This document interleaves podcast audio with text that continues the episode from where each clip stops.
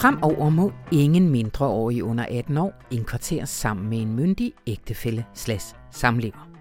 Ingen undtagelser, heller ikke hvor der er fælles børn. Sådan stod der i en PowerPoint-præsentation, som Udlændingsstyrelsen fremlagde på et møde med operatørerne af landets asylcentre. Det var tilbage i februar 16, efter at regeringen jo havde besluttet at splitte par med unge brude, såkaldt barnebrudssagen. Men en sådan instruks var ulovlig, fordi ifølge gældende regler, så skal hver familie vurderes individuelt. Blandt andet kan det stride imod børnekonventionen. Så den ansvarlige minister Inger Støjberg, hun har jo fastholdt lige siden, at hun jo mundtligt videregav, at det naturligvis skulle foregå efter reglerne. Men information har i de seneste måneder fået indsigt i en hel del papirer, der peger i en anden retning. Senest denne PowerPoint, som Ulrik Dalin kommer forbi og fortæller om. Han kalder den så tæt på en rygende pistol, at man kan lugte krudtet. Velkommen til Radio Information. Mit navn er Anna von Sperling. Og jeg får også besøg af vores kulturredaktør Katrine Hornstrup Øde. Hun har set den nye belgiske film Girl om ballerinaen Lara, en 15-årig transkvinde, der tvinger sig selv ud over smertegrænsen for at blive sig selv. Bliv hængende, hvis du med Katrines ord vil have klippet dit hjerte lidt over over denne mesterlige film. Rune Lykkeberg er også på en måde, eller han er i hvert fald igennem fra en telefon fra Paris, hvor han har taget toget til. Jeg har ikke den fjerneste anelse om, hvad han vil have optur over, men han plejer jo at være leveringsdygtig, så jeg ringer i hvert fald til ham lidt senere, så bliver jeg lige så overrasket som dig.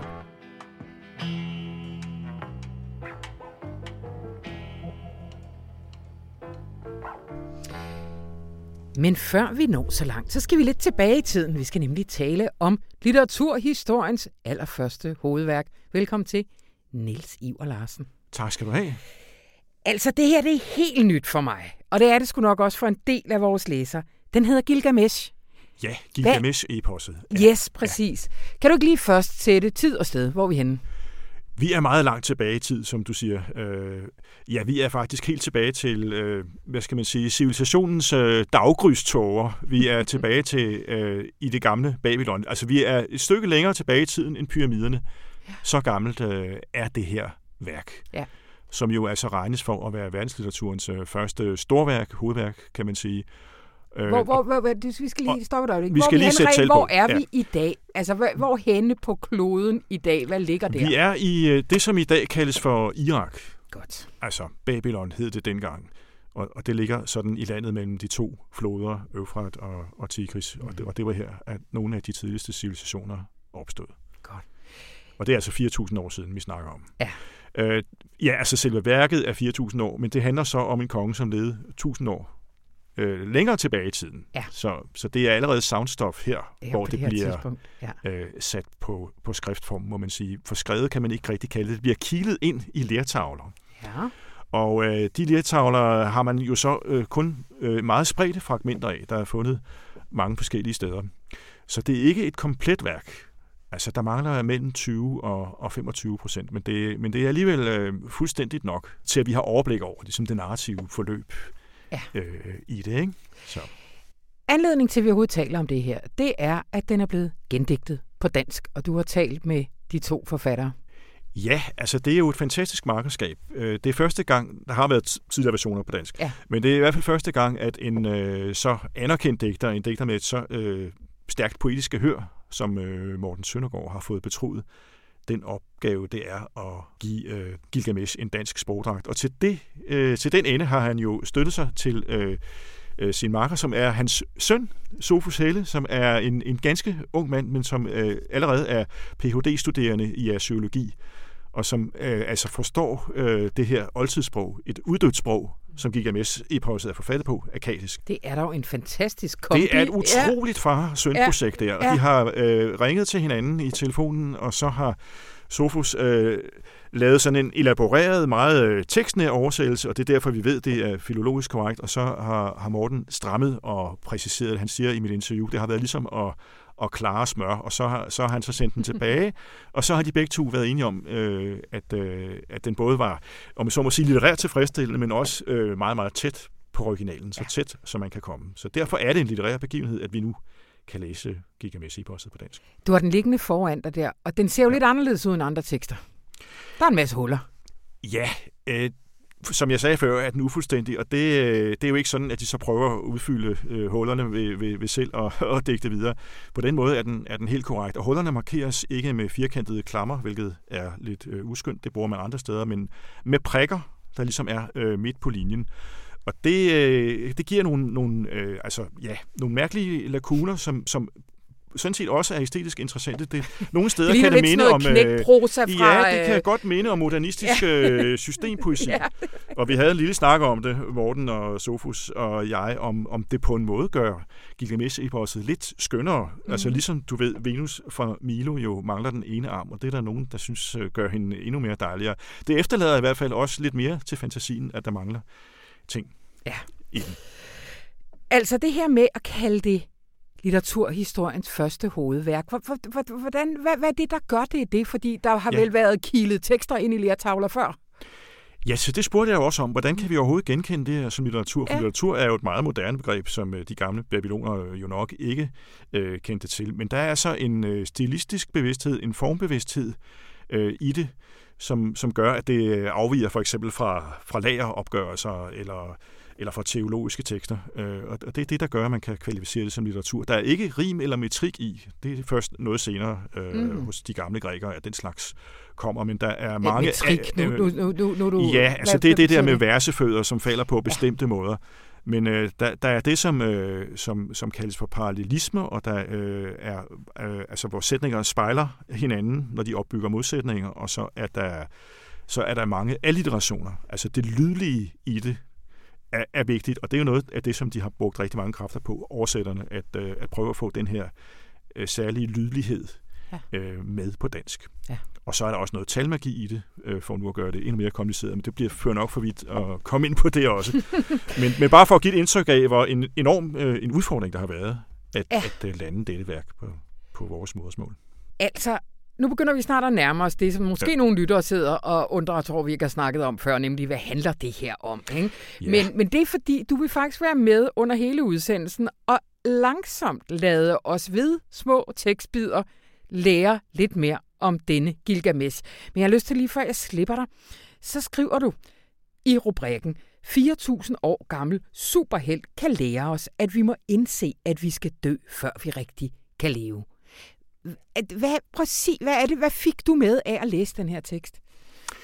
Ja, altså teksten er jo, øh, den, er, den fortælles jo på en måde fra eftertidens øh, perspektiv, øh, efter at, øh, at Gilgamesh har været en masse øh, bedrifter i, imellem og, og, og kaster et blik tilbage på sit liv. Og, og den her øh, stoiske heroisme, kan man sige, den her afklarethed, at, at døden er uundgåelig, Altså det er jo et, et, et evigt øh, gyldigt budskab, og det er, er meget, meget spændende, at der er tænkt så, øh, så dybe tanker mm. om det mm-hmm. øh, helt tilbage dengang, i en helt, helt anden tid, hvor verdensbilledet var øh, meget anderledes, altså øh, mytologisk, og hvor, hvor øh, guder og halvguder og mennesker ligesom plejede omgang med hinanden, sådan som de også gør i, øh, i bogen her. Det er sådan et, et, et portryllet univers, hvor der er mange magiske væsener, der mm-hmm. er skorpionmennesker og, og stenfolk, og der er uhyre og sådan noget. Øh, men i den her eksistentielle visdom, altså den, den, øh, den, den kan man sagtens anamme i dag. Ja. Og det er jo med til at, at, at gøre det til et uforgængeligt værk. Vi taler også om,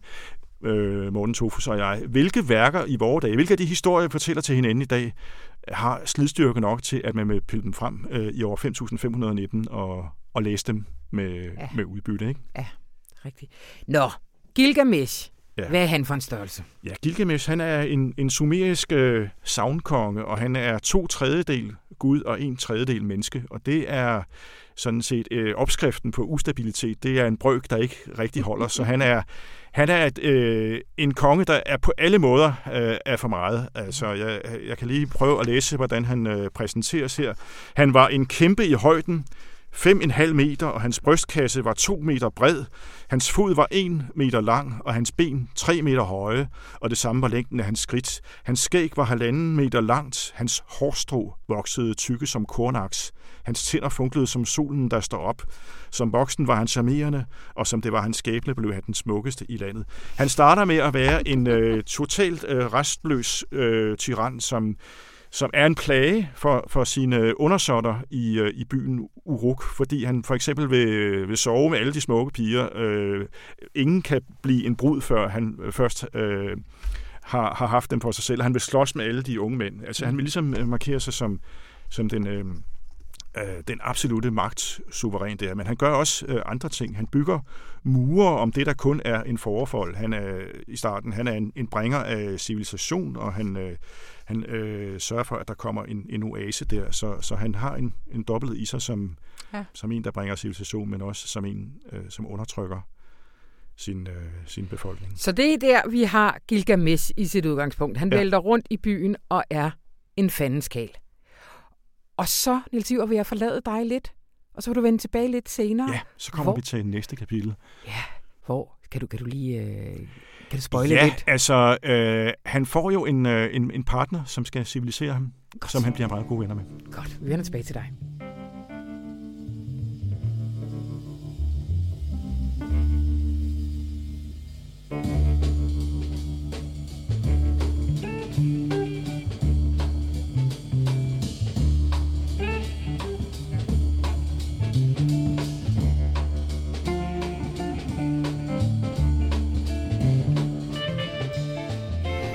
Og velkommen til, Ulrik Dahlin. Tak skal du have. Som jeg sagde indledningsvis, så er der jo nyt i sagen om Støjbergs forklaring i sagen om asylparerne. Det var den, som blev kaldt barnebrudssagen, sådan helt generelt. Kan du ikke lige øh, få alle lytterne med, hvad den handlede om? Den handlede om, at Inger Støjberg den 10. februar 2016 sendte en instruks til Udlændingestyrelsen om, at alle unge asylpar på landets asylcentre skulle adskilles. Mm-hmm. Ministeren ville ikke øh, længere stå model til, at det, hun kaldte barnebruget, at de, altså unge piger under 18, levede sammen med deres mænd. Det handlede sagen om. Det, der så viste sig at være et problem, det var, at det kan man ikke bare. Ja. Altså, hvis nu for eksempel parret har et fælles barn, så er hensynet til det barns tavs er beskyttet af børnekonventionen. Og derfor så, som ombudsmanden også senere fandt frem til, så ville det at følge ministerens instruks, som var uden mulighed for undtagelser, det ville være ulovligt. Ministeren har så forklaret sig med, at øh, nej, det var ikke hendes intention at øh, påbyde en ulovlig sagsbehandling, og det har hun blandt andet forklaret med, at øh, hun på et chefmøde om formiddagen den 10. februar, altså før selve presmeddelelsen med instruksen blev udsendt, at der blev det mundtligt tilkendegivet over for Udlændingestyrelsens direktør, Henrik Grundet, at der kunne være undtagelser Øh, vi har jo så tidligere talt om her i programmet, at vi så har fået fat i en mail fra samme grundet, som faktisk modsiger ministerens mm. forklaring. Og det nye, der nu er sket, det er, at øh, da ombudsmanden øh, behandlede denne her mail, altså da han gik ind i sagen for anden gang, så bad han blandt andet øh, Udlændingestyrelsen om at se, om der nu var flere ting, han ikke havde fået. Og der var faktisk fire forskellige dokumenter, han ikke havde fået. Og i et af de dokumenter var der omtalt et operatørmøde, mellem Udlændingestyrelsen og operatørerne. Operatørerne var altså de kommuner, og så Dansk Røde Kors, mm-hmm. som i februar 16 drev asylcenter, og på nogle af de asylcenter var der jo så nogle af de her unge asylpar. Så har øh, Mathias Tesfaye fra Socialdemokratiet, han har så i Folketinget spurgt ministeren, om der på det her operatørmøde, som fandt sted den 23. februar 2016, altså små to uger efter, at ministeren havde udsendt sin instruks, om der var et referat for det her møde. Og det viste sig så, at der var ikke noget referat, men det der var, som sådan set er endnu mere interessant, det var, at der var en side fra en PowerPoint-præsentation, som Udlændingestyrelsen altså havde udarbejdet for at illustrere over for operatøren om, hvad det præcis var for en opgave, de skulle i gang med, når de skulle effektuere ministerens presmeddelelse. Og det, der er interessant der, det er, at den også modsiger ministerens forklaring, i det, at der som fire punkt. Der er sådan nogle bullets på sådan ja. en der, ikke? Og det fjerde punkt, det lyder kort og godt, der er ingen undtagelser. Heller ikke, hvor der er fælles børn. Ja. Og øh, der står også, at øh, fremover må ingen mindreårige under 18 år indkvarteres sammen med en myndig ægtefælle skråstreg samlever. Og hvis det nu var sådan, at øh, Udlændingestyrelsens direktør Henrik Grundet på det der chefmøde om formiddagen havde fået besked på, at der ville være undtagelser, så er det jo meget mærkeligt, at man ikke kan se spor af det øh, i denne her øh, PowerPoint. Så vil der jo nok stå, at der er mulighed for undtagelser, ikke? For eksempel, når, når parret har fælles børn. Men der står altså det stik modsatte. Der står ingen undtagelser. Mm, mm. Heller ikke, hvor der er fælles børn. Øh, der er jo så en øh, professor, Jens Elo Rytter fra Københavns Universitet, der på baggrund af det her nu har sagt, at øh, nu fremstår Inger Støjbergs forklaring fuldstændig løsrevet fra alle faktuelle oplysninger i denne her sag. Ja. Hvordan peger pilen direkte til Støjberg? For kunne man sige, det var bare grundet, der øh, forvaltede det på den her måde? Altså, grundet er en dygtig og erfaren jurist, og han har været chef i 10 år, ja. og han har også, før han blev chef for Udlændingsstyrelsen, beskæftiget sig med udlændingeret. Han har undervist i udlændingeret på universitetet, så der er næppe tvivl om, at han ved godt, hvad, hvad, hvad ret er inden for, for det område der. Ikke? Ja. Chancen for, at han skulle have misforstået, hvad ministeren mente, den anser jeg for at være så godt som ikke eksisterende. Mm. Øh, det interessante er jo, at der er intet skriftligt, der bakker ministerens forklaring op. Ej. Intet. Alt skriftligt peger den stik modsatte vej. Ja. Hvad har reaktionerne været på den her PowerPoint? Altså, udover at øh, andre medier har bragt det Ritzau-telegram, som vi skrev om sagen her, og også mm. bragt det øverst på deres øh, hjemmesider, ja. og udover at jeg skal i uh, deadline her i aften, mm-hmm. og forklare, for jeg ved ikke hvilken gang, øh, den her sag. Jeg kan sige til lytterne, vi optager det her onsdag. Ja, så er det spændende, det er jo, at øh, da Udlændingestyrelsen skulle besvare endnu et spørgsmål, som er stillet i kølvandet på vores afsløring af den mail. Og det var, om der var andre mails i den uh, mailtråd. Det var en mail, mailudveksling mellem Henrik Grundet og en pressemedarbejder. Ikke? At da styrelsen skulle svare på det, så har de altså sendt noget frem til ministeriet, som ministeriet vurderer, at det har været nødvendigt at orientere ombudsmanden om. Og ministeriet har så beordret, at der nu skal i gang sættes altså en tredje eftersøgning, okay. øh, blandt andet på udvalgte personers personlige drev og mailsystemer og den slags, og, og hvad der er lige så interessant, en tilsvarende eftersøgning skal iværksættes i departementet. Mm-hmm. Og øh, alt det vil ombudsmanden så, når man har et resultat af det, det vil han så blive orienteret om. Ombudsmanden har i forbindelse med denne her øh, PowerPoint-præsentation over for os sagt, at han er meget opmærksom på den foreliggende situation. Øh, så den sag er ikke slut endnu. Altså, Heller ikke for ombudsmanden? Nej, altså han vil jo få en orientering fra, fra Ministeriet og Udlændingsstyrelsen om, om de finder noget. Og i givet fald kan det jo så føre til, at han må tænke sig om igen. Men jeg vil jo også mene, at denne her altså PowerPoint-præsentation, hvor der jo tydeligt står ingen undtagelser, ja.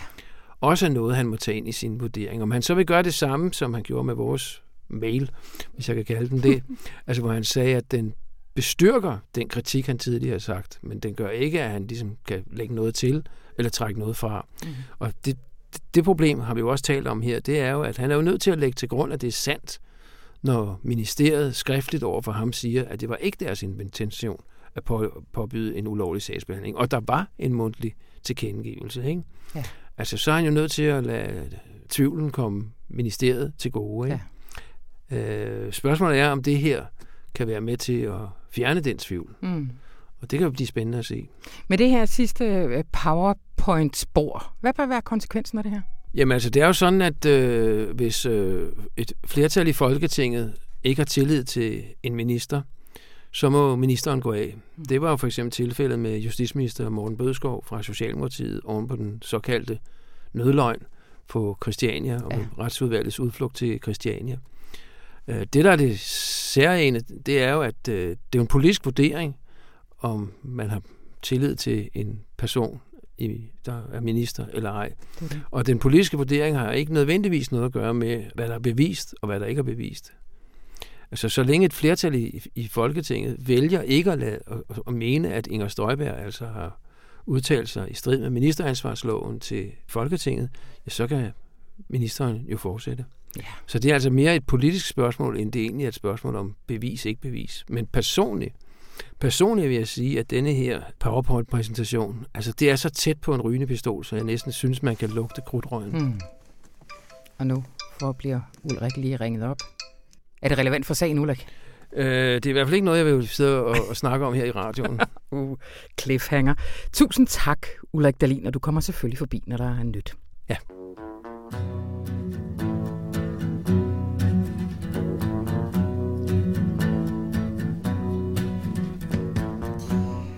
Og så er vi tilbage hos Nils Iver og Gilgamesh.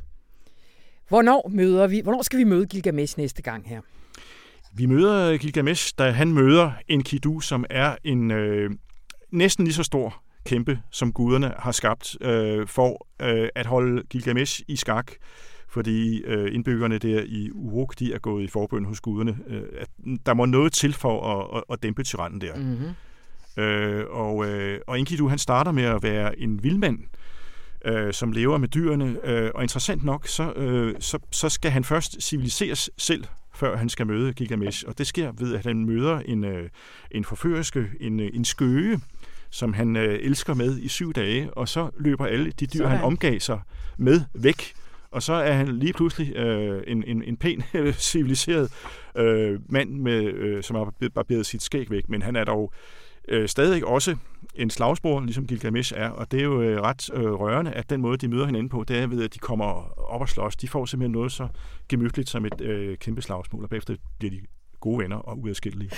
Ret, ret rørende. Det var nok ikke det, der ville falde mig ind er det, Nej, det, er men det... du ved, hvordan kærlighed mellem mænd kan være ja, nogle gange, fordi det... det handler Gilgamesh også om. Ja. Et af de helt store temaer er jo netop venskabet imellem Gilgamesh og hans uh, sidekick Enkidu mm. der.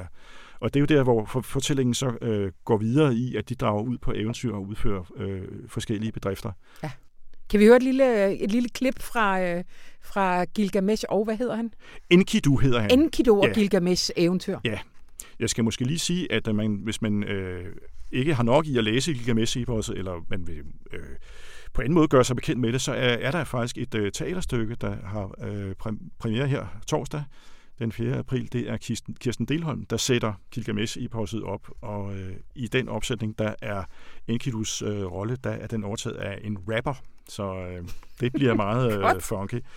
Men ja, lad mig lige øh, øh, prøve at bladre frem til, øh, til der, hvor det er også en slags patient. Det er der, hvor de slår øh, uhyret Humbaba ihjel, altså mm. Enkidu og, og, øh, og Gilgamesh. Og, og, og de fælder øh, den skov, som uhyret bevogtede, og det skulle de faktisk ikke have gjort, for øh, Humbaba er sådan set, han står under beskyttelse af, af guderne. Og så, så er vi selvfølgelig inde her i teksten et sted, hvor der er, er rigtig mange lakuner, øh, og det er altså markeret ved en, en prik. Mm-hmm. Ja, øhm, Enkidu han opmuntrer Gilgamesh til virkelig at slå på tæven her. Dræb Humbaba, som din gud hader. Prik, prik.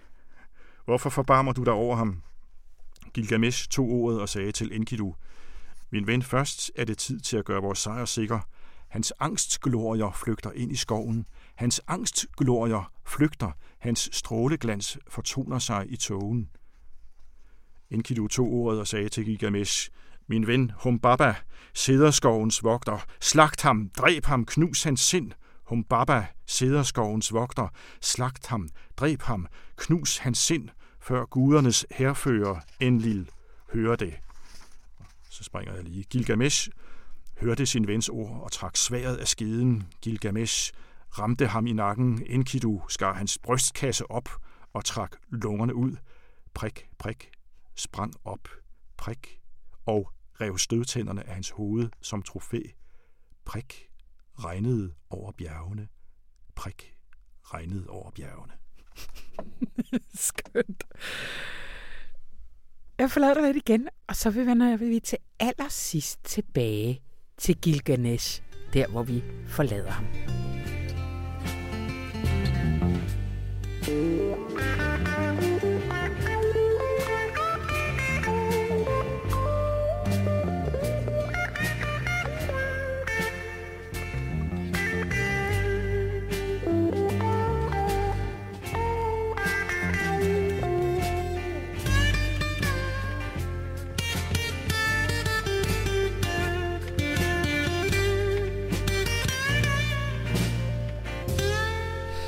Og så vil jeg gerne byde velkommen til vores kulturredaktør, Katrine Hornstrup Hej Katrine. Hej Anna. Du har været i biografen, og du har set Girl, som er en film af den belgiske debutant Lucas Stont. Ja. Hvad handler den om? Den så jeg i mandags, og jeg tror sammen med de andre filmkritikere kravlede ud af biografen, ja.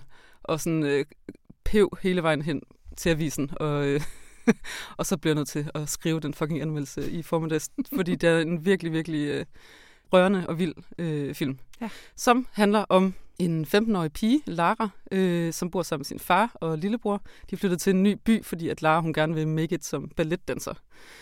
Der er det eksistentielle twist i hendes liv, at hun er trans.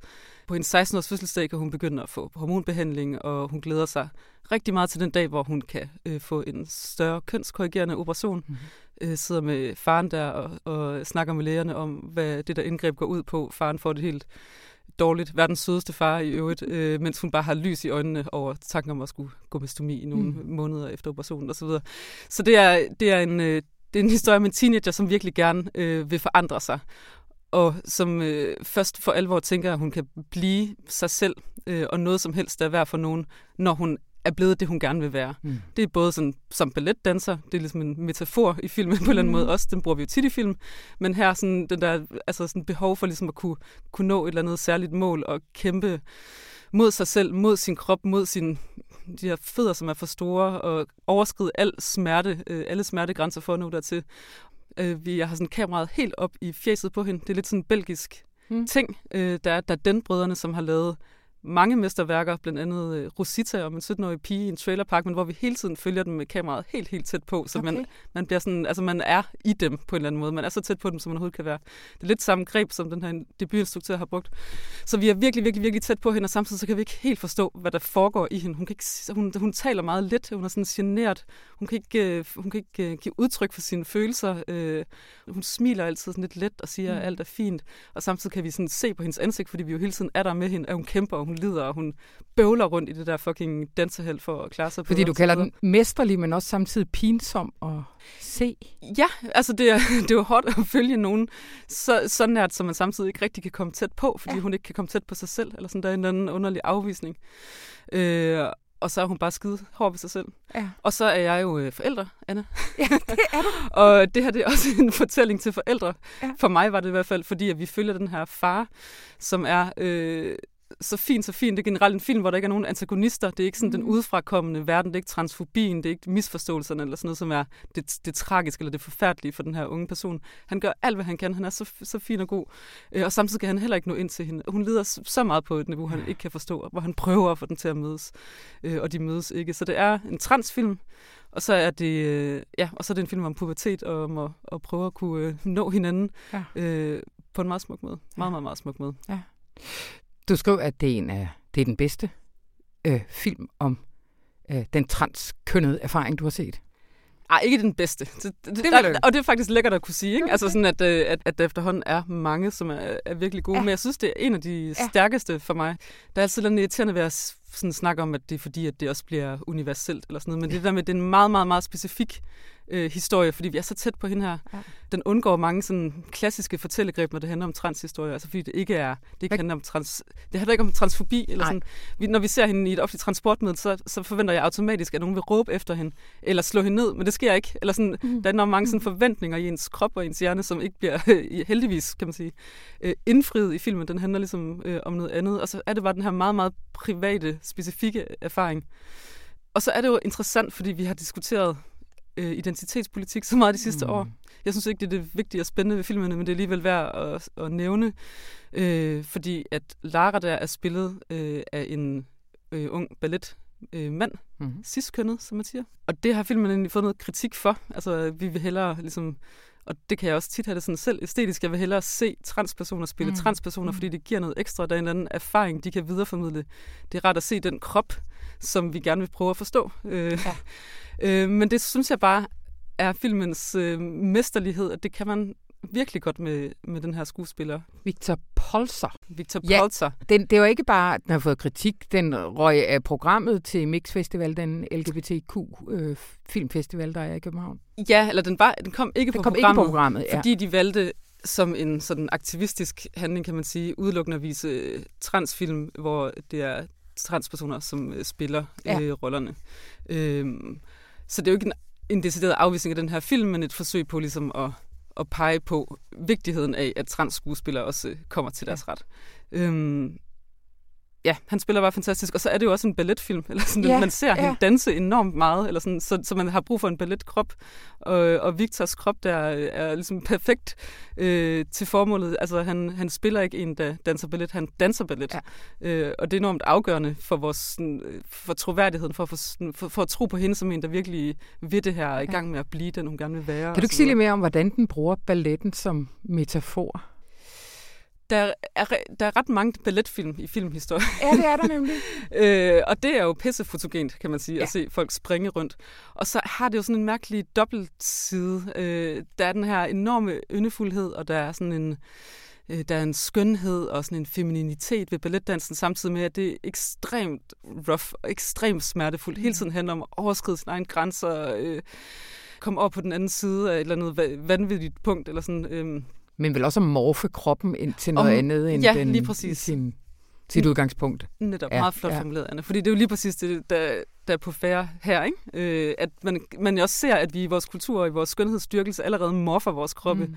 og at uh, Lara ligesom dobbelt morfer, fordi hun på den ene side prøver at tvinge de her forpulede store fødder til at kunne hoppe danse rundt på tæerne. Jeg får helt sådan ondt i kroppen bare ved at se det. Ikke? Øh, og så samtidig jo skal tvinge sig til at blive den person, hun gerne vil være, men også gøre det på en meget sådan selvskadeagtig måde, som jeg kan til at forstå. Altså det med at taber sin kønsdel mm. øh, fast frem for bare at bruge noget undertøj, der ligesom kan støtte osv. Øh, Jamen, og så, fordi vi ikke hører hende sige særlig meget, fordi vi ikke for alvor sådan får indblik i hendes øh, psykologi gennem øh, samtale, eller sådan nogle, et, et sådan meget voldsomt plot, eller sådan noget, så er det mm. meget i det der, det der med at være helt tæt på hende og mærke, hvordan hun kæmper med og mod øh, sin egen krop, og se den der krop udfolde sig øh, mm. foran de andre dansere, som godt kan se virker det til, at der er en eller anden særlig insisteren her, der er en eller anden mm. særlig behov for igennem den her fucking dans at kunne realisere sig selv og komme til et eller andet frit sted på et tidspunkt. Mm. Så dansen har en meget stor effekt, og jeg synes, når der er balletfilm, hvor, hvor det er fantastiske skuespillere, som spiller balletdansere, og jeg synes ikke altid, det virker øh, lige godt. Men det virker virkelig, virkelig godt her. Og mm. den her cis-skuespiller, Victors krop, er perfekt til at fortælle den her historie. Du siger, at man føler sig helt skåret over, når man har set den. Skal man alligevel gøre det? Ja, det synes jeg, øh, at man skal. Sjovt nok. øh, jamen, den er virkelig... Øh, den er, ja, som jeg prøver at skrive, den er slidsom. Eller sådan, det, det, er, øh, det, det er ensomt og mærkeligt at være i selskab så lang tid med en person, der giver sig lidt. Øh, og, øh, og så opbygger man den der, for mit vedkommende i hvert fald, den der forældrefølelse, ja. sådan længsel efter at kunne forstå, ikke, ja. jeg har ikke en teenager, men en toårig teenager, men sådan længsel efter at kunne forstå den der person, som, øh, som ikke vil snakke, og som lige pludselig flipper ud, og, og så videre. Den længsel har man også som publikum. Mm. Øh, og så sker der nogle ting, som er... Øh, som er vilde, men ikke tragiske på sådan en klassisk, Ej. tragisk transmåde, hvor nogen bliver slået ihjel og så videre. Men der sker nogle, nogle øh, vilde ting, som virkelig sådan, øh, som lige knuste mit hjerte rimelig meget. Okay. Sige. Men på en, på en øh, god interessant måde. Kunst skal gøre ondt, Anna. Det skal den. Det har du lige skrevet en, en leder Det har jeg skrevet leder om. Ja. Det står dokumenteret i avisen. ja, præcis. Katrine, kan man se den sådan over hele landet og den slags? I øh, gode udvalgte øh, biografer over hele landet. Yes. Jamen, tusind tak, og tak for opfordringen. Katrine Hornstrup Yde.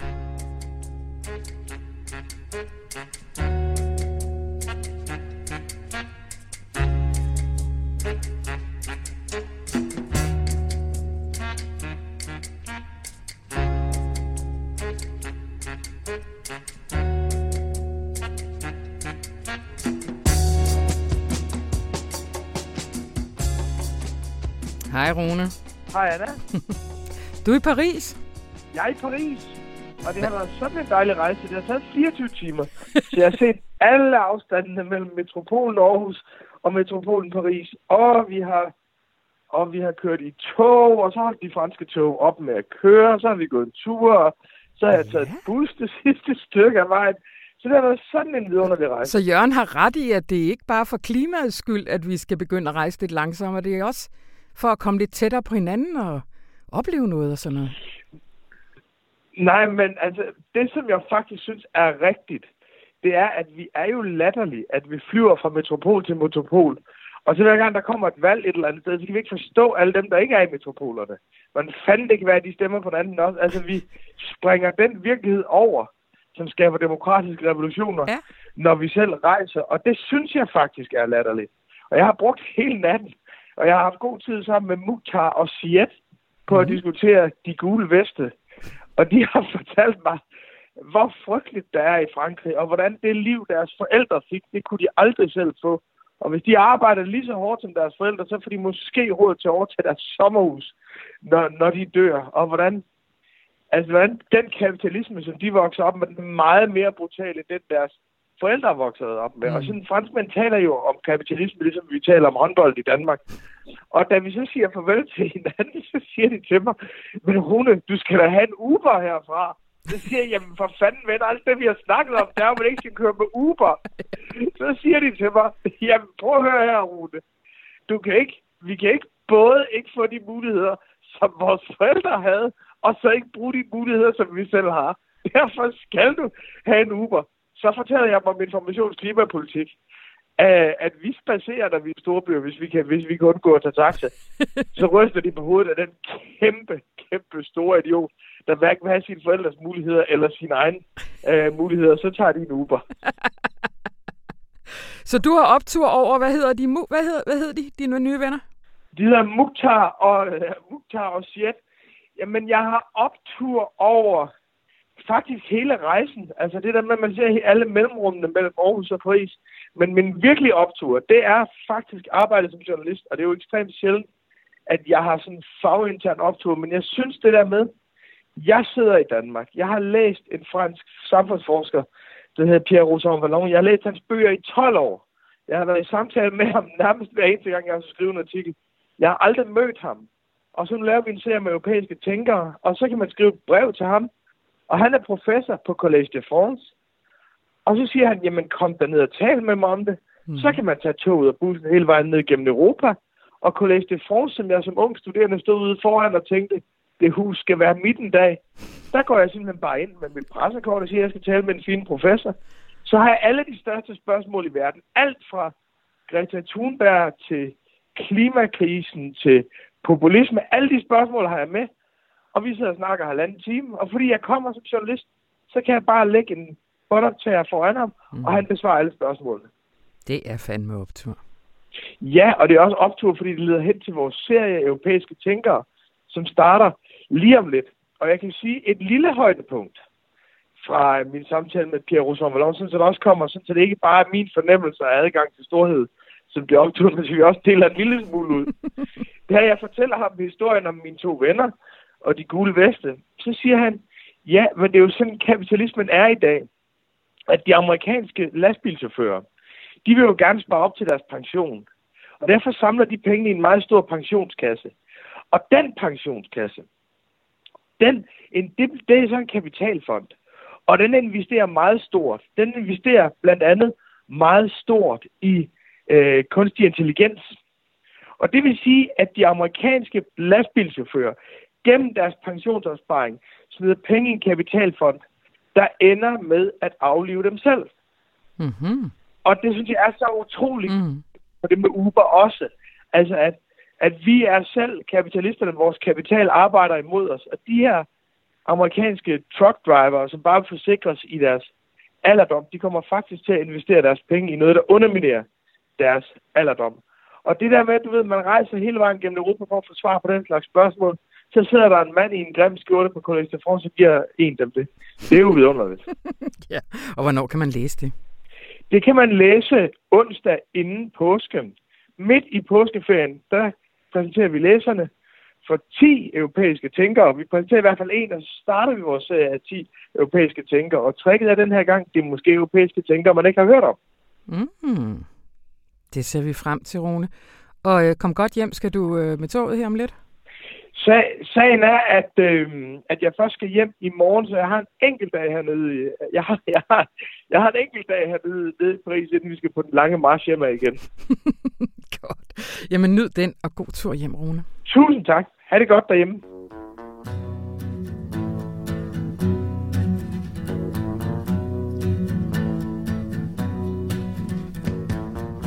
Lige før vi slutter, så skal vi selvfølgelig høre hvor vi forlader Gilgamesh. Øh, Nils Siver?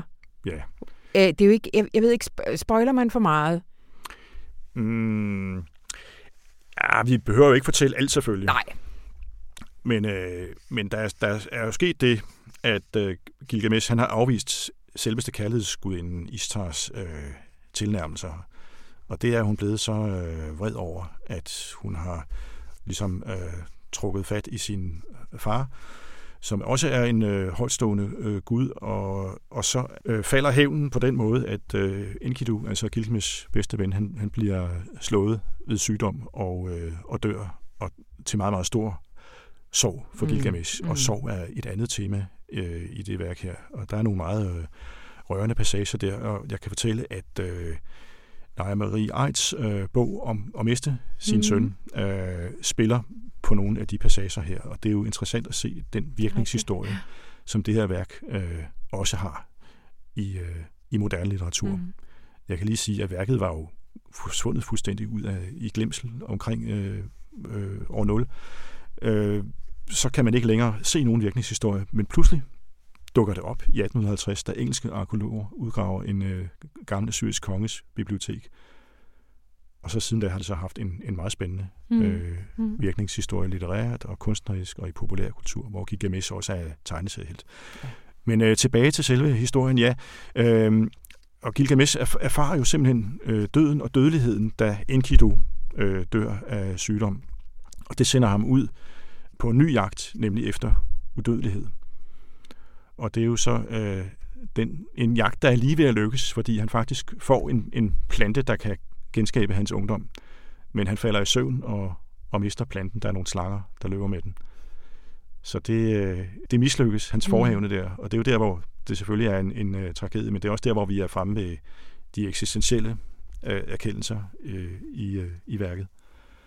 Um, og uh, det er der, hvor Gilgamesh forstår, at, uh, at døden er overvindelig, men at han kan håbe på at leve videre i uh, de efterladtes tanker, og at han kan se, at han har efterladt sig noget. Han har efterladt de utrolige mure omkring det, der engang var en forfold. Han har opbygget et samfund.